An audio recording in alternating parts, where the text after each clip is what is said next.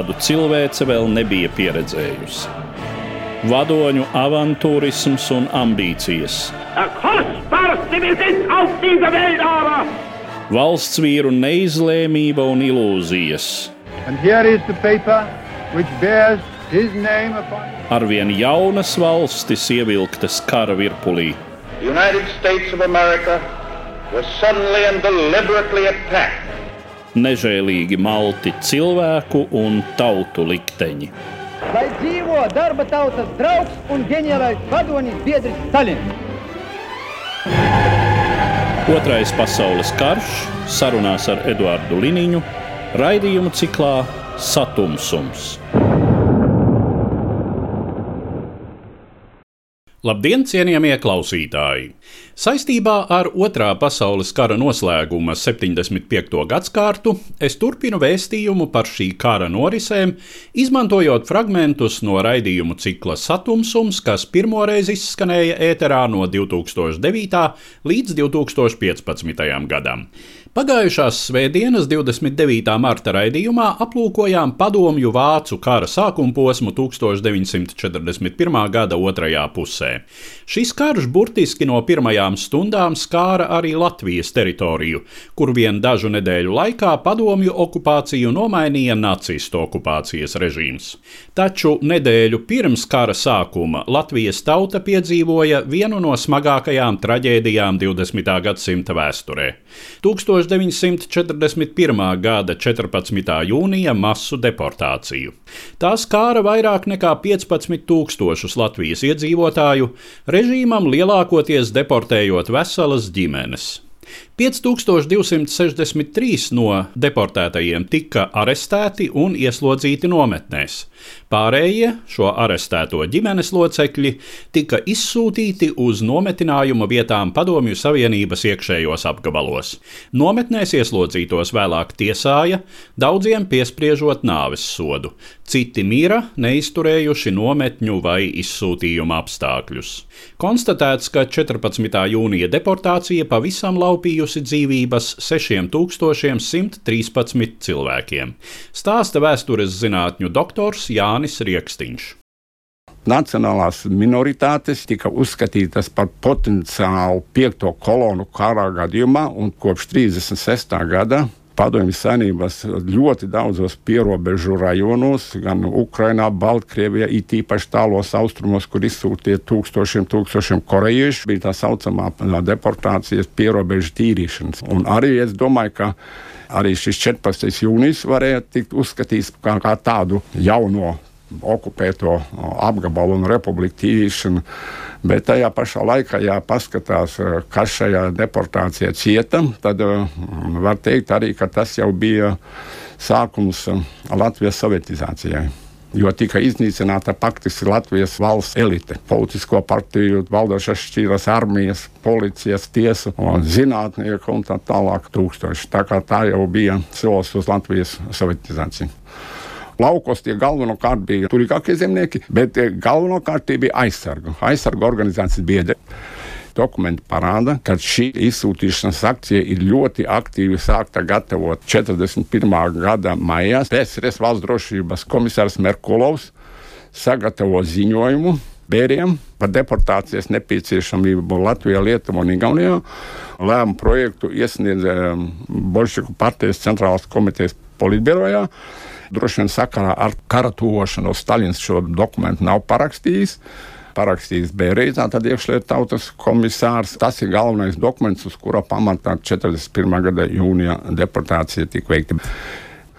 Deportācijas projektā septiņas kategorijas nosauktas, kuras no šīm uh, republikām ir jādeportē kontrrevolucionāri un visi tie šķiriski naidīgākie elementi. 41. gada iekšlietu komisariātu februārī sadalīja divos komisariātos.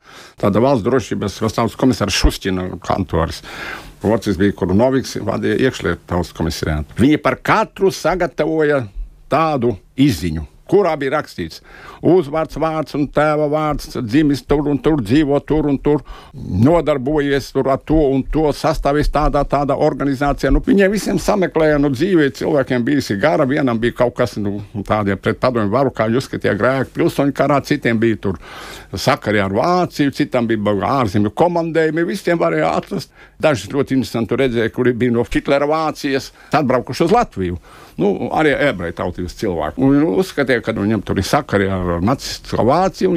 Arī skatījos, piemēram, Daugopilī. Daugopils tāda stipri krieviska vide, daudzus izsūtīja no Daugopils, Krievu, Baltkrievu, poļu tautības cilvēkus, kuri bija sastāvējuši dažādās nu, poļu, Baltkrievu, Krievu organizācijās. Tā jau bija tā viņa sabiedriskā politiskā darbība līdz 17. jūnijam. Ir paredzēts viņus nosūtīt uz īpaši šim nolūkam izveidotu nometni, nodot viņu lietas iekšlietu tautas komisariāta sevišķai apspriedēji un piespriest sodu 5, 8 gadus nometnē, pēc tam 20 gadus nometinājumā. Šajā dokumentā nav neviena vārda par to, ka šie no Latvijas, Lietuvas, Igaunijas deportētie cilvēki būtu jānodod kādiem tur tribunāliem, kad viņi būtu jānošauj. Kas notika šajā laikā no 41. gada maija līdz 41. gada augustam? Septembrim, kad šie no Latvijas deportētie cilvēki, šī nošaušana, un īpaši, kas skāra latviešu virsniekus, ka mēs zinām, ka nometnēs viņus ļoti daudz nošāva. Tad tur, acīm redzot, kaut kas tajā 41. gadā vasarā ir izmainījies. Un acīm redzot, ka ir vēl Krievijas arhīvos jāmeklē šie dokumenti, kuri droši vien ir palikuši. Mums diezgan maz tomēr ir tādu nu, labu materiālu, kā tad šie mūsu tautieši šajās gulāga nometnēs eh, dzīvoja. Eh, viņi tur principā atradās 5, 8 gadi, kurus nenošāva vai kuri nenomira. Tiesāti viņi tiek visi. Viena daļa jau nomirst pirms spriedums, jo jāatcerās, ka ļoti daudzi gan bāda, gan slimību, gan smagā darba dēļ. Bet viena daļa, kas izcieta to sodu tajā nometnē, un pēc tam ja viņi palika dzīvi, viņas aizsūtīja nometinājumā. Ir arī tajās lietās interesanti, ka dažkārt nometnēs nokļuva arī sievietes. Nu, ja viņa sastāvēs aizsargos vai vadīs pagasta aizsargu organizāciju, piemēram, ja, viņa aizsūtīja uz, uz nometni un tiesāja. Vieglāk izdzīvot bija fiziska darba strādniekiem, piemēram, lauku vīri. Daudz grūtāk bija, protams, inteliģencija, kuri varbūt bija savu mūžu pavadījuši ar zīmolu un pilspalvu. Tiem bija, protams, ka visgrūtāk. Ja viņu ģimenes atradās izsūtījumā, vīrieši pēc atbrīvošanas no nometnēm tika nosūtīti nometnēm pie ģimenēm. Ģimenes nosūtīja izsūtījumā ar termiņu uz 20 gadiem. Tātad viņiem būtu bijis jāatgriežas Latvijā dzīvi palikušajiem 61. gadā. Cita lieta, ka pēckara gados tur tika izdoti daudz jaunu lēmumu, kurā piesprieda mūža nometinājumu, un arī šeit 41. gada izsūtīto nometināto kategoriju, tātad ģimenes locekļiem bērniem, piesprieda mūža izsūtījumu, un viņi varēja atgriezties Latvijā dzīvi palikuši tikai 50 gados. Viena daļa no sievietēm kas bija nometinājumā, arī izmantojot pēckara apstākļus, atgriezās Latvijā. Viņus pēc tam meklēja, tiesāja un sūtīja atpakaļ. 45, 6, 7 gadā Latvijas izglītības ministrijas bērnu namu daļa un citi e, no Sibīrijas savāca un atveda apmēram 1350 latviešu bērnus, kas bija palikuši bez vecākiem. Rīkstē vest uz Latviju bāriņus un pusbāriņus. Nu, pusbāriņi bija tā, ja bija mamma, bet nebija tēva. Nu, un to akciju dabūja gatavu, uztaisīja desmit braucienus, tādus desmit vagonus. Es runāju lietuviešiem un igauniem, viņiem nebija tāds notikums bijis. Ļoti daudzi šo Sibīrijas bērnu viņiem Latvijā meklēja radiniekus, un ļoti daudz radinieki viņus pieņēma. Un tad, kad noņēma ģimenes no spēcnometinājuma, tas bija 50. gadu vidū, tad atgriezās. Bet te ir viena ļoti būtiska piezīme jāpasaka, ka 1957. gadā LPSR augstākās padomjas prezidijas nodublējot LKPCK lēmumu, pieņemtā dokumentu par bijušo politisko partiju un tā tālāk vadošiem darbiniekiem aizliegumu atgriezties Latvijā vēl 57. gadā. Tātad tas atgriešanās ceļš bija nu, ļoti sarežģīts. Bet principā dzīvi palikušie atgriezās 56, 57, nu, 58, 9 gadā. Jau pēc kara sākuma padomju režīms veica savu pēdējo baigā gada noziegumu - 99 cilvēku beztiesas nogalināšanu no 1941. gada 27. līdz 29. jūnijam, stāsta vēsturniece Latvijas okupācijas muzeja līdzstrādniece Inese Dreimane. Tas ir uh, viens no traģiskākajiem pirmās komunistiskās okupācijas gada noslēguma nozieguma akordiem. Šis notikums ir atspoguļots, diemžēl, gaužām tendenciozi nacistu laikā. Un pēc kara gados tas ir noklusēts. Kā mēs zinām, arī abadījuma vieta Rīgas meža kapos, tā dēvētie Baltie krusti, 60. gadu beigās šī vieta tika nolīdzināta, krusti tika iznīcināti, un šajā vietā līdz pat 90. gadu vidum notika virsabadījumi. Saistībā ar to ka tie pātrināta aresti, pātrināta faktiski nēsoša izmeklēšana nav jau materiāli. Ja pat pārējiem baigajā gadā arestētiem ir katram pašam savu kriminālu lietu, tad šajā gadījumā krimināla lietas uz visiem 99, manuprāt, viņas ir trīs vai četras, bet lielākai daļai šādu lietu elementāri nav. Un, lai vispār nonāktu pie kaut kāda kopsaucēja par to, kas tur īsti ir, jo arī tas skaits taču varējās. Nāves sprieduma pamatā ir divi saraksti. Viens ir tautā jau daudz labāk pazīstamais Šustina saraksts, kurā ir 73 cilvēku vārdi, kuri parakstījis gan LPSR valsts drošības tautas komisārs, gan Baltijas īpašā kara apgabala kara tribunāla pārstāvji. Savā ziņā tas ir kaut kas līdzīgs spriedumam, bet tā, protams, tik un tā ir beztiesas nogalināšana. Otrs saraksts tapis 28. jūnijā, un tajā ir minēti 32 cilvēki. Un šo sarakstu ir parakstījis NKGB izmeklēšanas daļas priekšnieks apakšpulkvedis Vēvers un vēl arī divi kara tribunāla juristi. Šie divi saraksti ir nozieguma pamatā. Saraksti ir tapuši pamatojoties uz tā brīža PSRS valsts drošības tautas komisāra Merkulova īpašu rīkojumu, kas tika izsūtīts uz vairākām republikām, to skaitā Latviju un Igauniju Un sākotnējā daļa šai dokumentā attiecās uz apcietināto evakuēšanu, ka ir jāevakuē tātad izmeklēšanā esoši apcietinātie, izmeklēšanas materiāli, izmeklētāji, kas turpinās izmeklēšanu 23. vai 24. jūnijā. No Latvijas cietumiem uz Padomju Savienību izveda visus, kas atradās izmeklēšanā to brīdi, vai arī nu, jau bija notiesāti un gaidīja etapu. Tā bija tāda pātrināta, pilnīga cietuma iztukšošana. Un tur ir arī pēdējais punkts, kurā ir norādīts, ka ir jāsastāda īpaši saraksti attiecībā uz personām, kuras tātad attiecīgajās institūcijas uzskata par liederīgām nogalināt uz vietas, nevis etapēt uz Padomju Savienību. Visi 99 cilvēki, izņemot vienu, ir apcietināti jau pēc kara darbības sākuma. Agrākais ir 22. jūnijas. Viņus etapēt vairs nekur nebija iespējams. Faktiski etapi jau bija aizgājuši. Un tāpēc, diemžēl, viņa liktenis tika izlemts šādā veidā.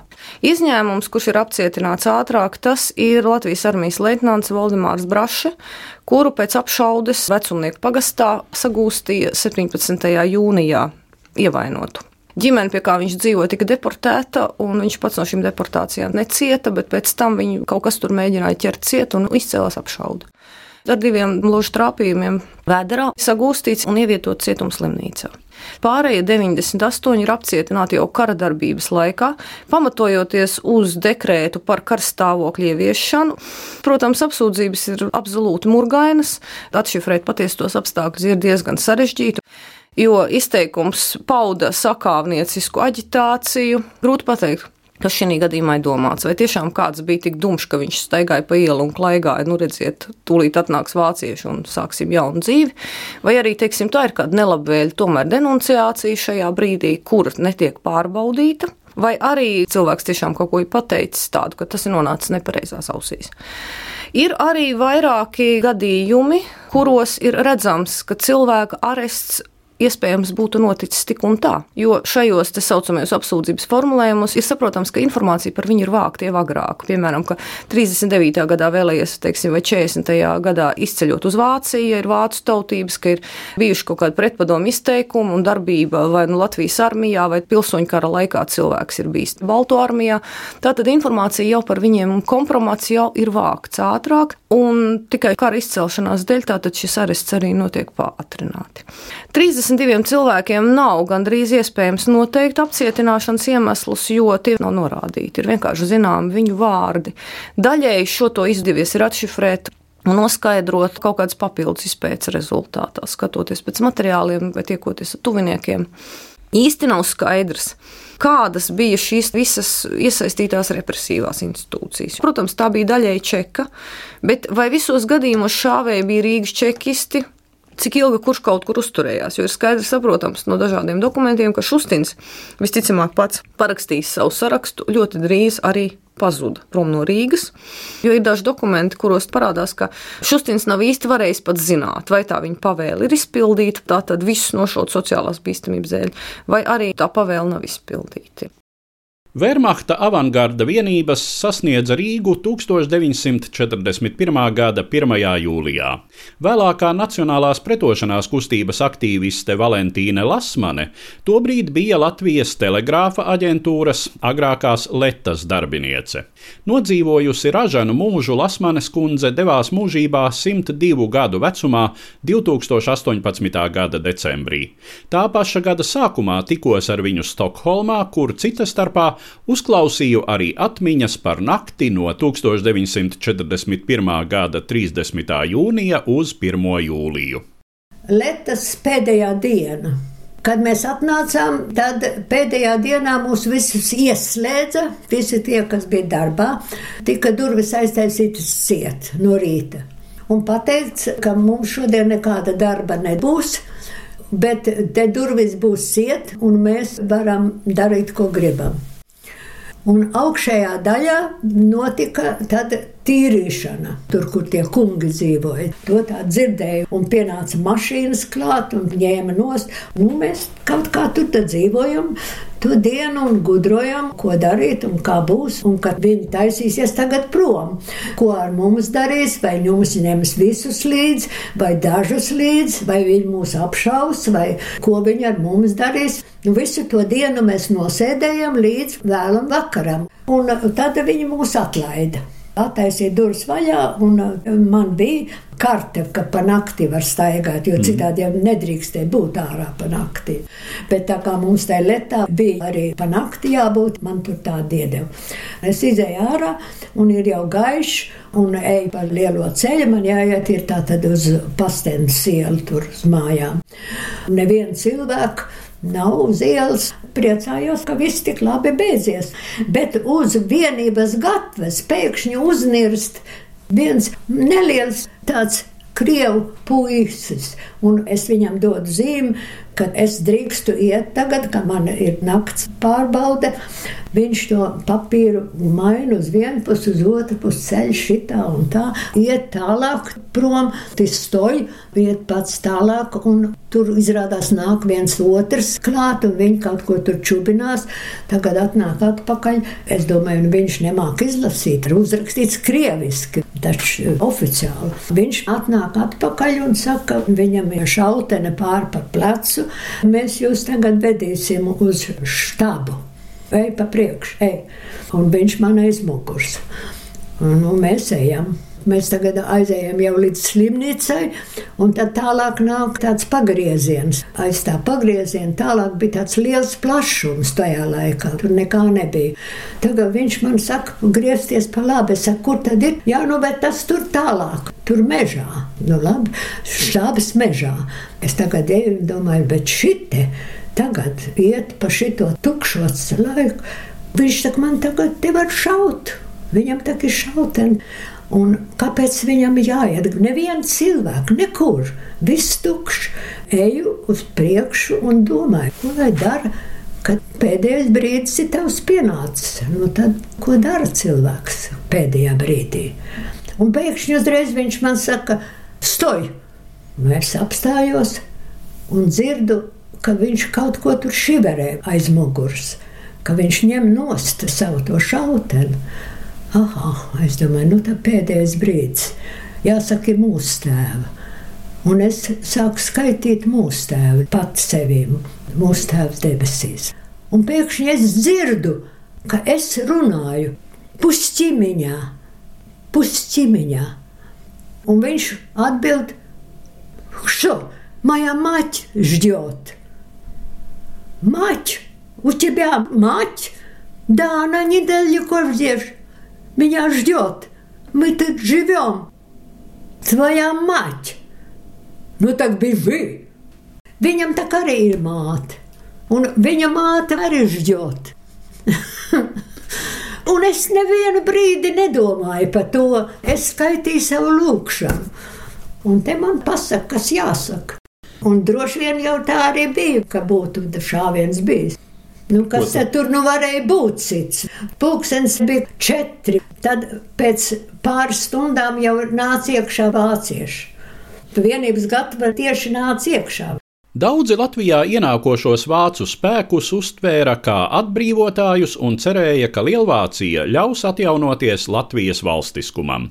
Tās izrādījās veltas cerības. Latvija tika iekļauta tā sauktajā Austrumzemes jeb Ostlandes Reichskomisariātā. Stāsta vēstures zinātņu doktors Kārlis Kangeris. Būtībā, ka vācieši plānoja kara gājienu pret Padomu Savienību, tad nebija vēl nekāda skaidra plāna, kā pārvaldīt eventuāli iekarotās teritorijas. Un tad radās doma izveidot no Padomu Savienības iekarotajām teritorijām dažādas komisariātus. Un pēc sākotnējā plāna bija paredzēts izveidot no Krievijas, vismaz Eiropas daļas, četras reichskomisariātus. Pirmais bija jau minētā Ostlanda, Austrumzeme, otrs Ukraiņas reizes komisariāts, trešais bija paredzēts centrālā Krievija, teiksim, daļas līdz Urāliem, un ceturtais būtu saucies Kaukāzija, tas ir Krievijas dienvidu, tur ap Melno jūru. Bet faktiski, kā attīstījās kara darbība, Tā beigu beigās ja no šiem četriem reiskomisariātiem izveidoja tikai divus - reiskomisariātu Ostlandi un Ukraiņas reiskomisariātu par Ostlandi, kur arī ietilpa Latvija, Lietuva, Igaunija un Baltkrievija. Un šis reiskomisariāts bija sadalīts četros ģenerālkomisariātos. Un šie ģenerālkomisariāti atkal bija sadalīti novadkomisariātos. Latvijā izveidojās novadkomisariāts Liepāja, novadkomisariāts Jelgava, Rīgas apgabals, tad Valmiera un Daugaupils. Un uh, problēma bija Rīgas pilsēta. Rīgai bija iedalīts speciāls pārvaldes status, un Rīgas novada komisārs bija Hugo Vitroks, Baltvācietis, kas bija dzīvojis kādreiz Latvijā. Kad viņš sāka Ostlandē darboties, tad viņš bija gan Oberburgermeisters, Birģenmeisters, gan novada komisārs. Viņš bija tāds ļoti veikls mahinators, kad vajadzēja Tad viņš lietas kārtoja kā birģermeistars pēc savu vācu pārvaldes titulu. Kad vajadzēja, tad viņš uzstājās kā novada komisārs. Ja runājam par okupācijas pārvaldi kopumā, tad tā sastāvēja, kā vācieši saka, no četriem pilāriem. Pirmais pilārs bija Vācu armija, otrais pilārs bija tā sauktā civila pārvalde, mūsu gadījumā tas būs tas reiskomisariāts, trešais pilārs bija policijas struktūras, un ceturtais pilārs bija saimniecības pārvalde. Sākotnēji bija plānots, kad izveidoja šos raizkomisariātus, ka viņus pakļaus vienotai pārvaldei. Un šādu pārvaldi izveidoja Rozenberga priekšgalā, ko sauc par okupēto apgabalu ministriju. Ministerium für die besetzten Ostgebiete. Ja. Šī bija Rozenberga iecerē ko viņš gribēja īstenot, bet kas neizdevās. Rozenberga plāns panākt centralizēto pārvaldīšanu diezgan ātri izjuka. Jo, kā jau minēju, bija četri pilāri. Ja mēs skatāmies attīstību tālāk no 41. gada septembra, kad izveidoja Latvijā civilu pārvaldi, Tad bija ļoti liela strīda gan Rozenbergam ar Himleru par policijas struktūrām, kādas viņai tiesības, ko viņa drīkst darīt bez Rozenberga piekrišanas. Pēc sistēmas vajadzēja būt viņiem pakļautiem lozēm, kas bija reiskomisariāts. Uz papīra tas bija, bet praktiski visi augstākie policijas vadītāji saņēma vairāk vai mazāk tiešās pavēles no Himlera, no Berlīnas. Tāpat bija ar tā saucamo četru gadu plānu, kas bija pakļauts Göringam, kur bija Virtšafštāba Ost vai Austrum saimnieciskais štābs, Viņiem atkal bija savas direktīvas, viņiem nāca gan no ministrijām, Berlīnē, gan tam līdzīgi, viņi daudz ziņā varēja rīkoties neatkarīgi no ko Rozenbergs Berlīnē teica, vai arī ko ģenerālkomisārs teica. Viņiem bija savu plānu noteikti, un arī te bija izveidotas tās augtās monopolu sabiedrības, kādas 15, kas nodarbojas atsevišķos saimniecības laukos. Viņas atkal nebija pakļautas civilu pārvaldē. Rozenbergam jau arī bija daudz, daudz teikšanu, bet, piemēram, svarīgās lietās tomēr šie citi pilāri panāca to, ka Hitlers viņiem deva lielāku varu, un tā kā Rozenbergs palika tāds uh, pievilcis. Un to viņi panāca pie Hitlera. Kad bija strīdi, tad vienmēr lūdza, ka Hitlers lai izšķir. Parasti tos strīdus visi izšķīra par sliktu Rozenbergam.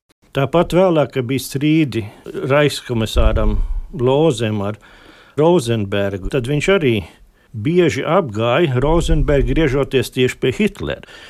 Jūlijā sākumā jau iecēla armijas virspavēlnieku ģenerāli Roku par pārvaldnieku Latvijā. Civila pārvalde vēl nebija. Armijai bija galvenais uzdevums gādāt par to, lai nomierinātu zemi, lai nebūtu vairs nekāda pretestība un attīstītu saimniecības darbību. Un būtībā armijas pārvaldē daudz neinteresēja īsti, ko latvieši dara. Un tāpēc arī attīstījās zināma veida latviešu pašdarbība, pašpārvaldes, Jūlijā gribēja gan dibināt ārlietu ministriju, gan veidot savus aizsardzības spēkus, gan tam līdzīgi. Bet viņi jau nezināja, ka jau no sākuma jau bija doti rīkojumi, ka jāizskavē kaut kādas valstisku struktūru izveidošanās. Valdmaniešu grupa, kas sastrādāja ar armijas saimniecības pārvaldi, viņiem bija svarīgi, ka Latvijā saimniecība sāk darboties. Piemēram, viens no saimniecības vadītājiem, kas ienāca Vācijas armijā, bija vecs valdmaņa paziņa. Nu, tādā ziņā Valdmans tūlīt varēja ieņemt tādu redzamu pozīciju, organizēt savējos. No sākuma tā militārā pārvalde daudz neiejaucās. Un tas arī savā veidā deva iespēju, ja neizveidot kaut kādu centralizētu latviešu valstisku aprātu, bet izveidot savu pārvaldi diezgan spēcīgu. Un uh, bija jau paredzēts atvest Dunkeru un citas iecelt no Vācijas, kuras izraudzīja toreiz Kanāris un Rozenbergs kopā. Kanāris bija apvēra vārds slepenā dienesta šefs. Dankeram bija uzdevums latviešu izveidošo pārvaldi pārvest vācu rokās. Viņam vajadzēja braukt kā savu veidu likvidatoram, bet tā arī to pārvaldi nenolikvidēja. Un tad 42. gada martā Rozenbergs izdeva arī vietējo zemu pašpārvaldu dekrētus, kuriem tad skaidri noteica pārvaldes funkcijas. No sākuma jau bija domāts, ka visu eh, darbu darīs zemes pašpārvaldes, un vācieši būs tikai uzraudzības pārvalde. Tā tas arī tika definēts. Bet daudz vācu pārvalde gribēja paši sagrābt sev visu savās rokās. Latvijā atradās reiskomisariāts, galvenā pārvaldes iestāde, un pakļaut viņam bija ģenerālkomisariāts. Igaunijā Lītsmans un Latvijā Drexlers. Un viņi veidoja jau savas vietējās pārvaldes struktūras bet Latvijā bija aizkomisariāta iestādes, viss bija ģenerālkomisariāta iestādes un arī bija policijas iestādes, kas bija Latvijas ģenerālkomisaram domāt un visam reiskomisariātam. Tā kā būtībā Latvijā viss tas iestāžu skaits bija dubulti tik liels. Vismaz Latvijā viena struktūra, kas kontrolē vietējos, bija vairāk nekā Igaunijā vai Lietuvā. Un bieži arī raksta par austrumu ministriju, ka viņi tikai nodarbojušies ar papīru, rakstījuši memorandus un diskutējuši. Tiksim, tā jau arī savu tiesu ir. Bet nav jau tā, ka viņi ar nepārvaldītu teritoriju tomēr tika pārvaldīta. Varbūt, ja visi būtu sapratuši, tad būtu Latvija daudz trakāk izmantot un tā tam līdzīgi. Jā. Vai varbūt no vienas puses tas tieši vēl bija labi, ka bija pašpārvaldē vai citām instancēm bija iespējams žonglēt ar šīm vāciešu instancēm, kurā arī nebija vienprātība un kas arī neievēroja pārvaldes noteikumus. Ja vairumam Latvijas iedzīvotāju padomju vācu kara sākums nozīmēja vienas okupācijas varas nomaiņu ar citu, nemazāk brutālu un augstprātīgu, tad par traģēdiju tas kļuva vairāk nekā 66 tūkstošiem Latvijas ebreju. Par holokausta norisi Latvijā 1941. gadā mūsu raidījumā nākamā svētdien, 12. aprīlī. Šajā raidījumā dzirdējāt Latvijas okupācijas muzeja līdzstrādnieci Inesi Dreimani, vēstures zinātņu doktorus Kārli Kangeri un Jāni Riekstiņu, kā arī literāti, kādreizējo Nacionālās pretošanās kustības aktīvisti Valentīni Lasmani. Uz redzēšanos, cienījamie klausītāji! Raidījumā šīs dienas acīm cikls Satumsums - sarunas par Otro pasaules karu.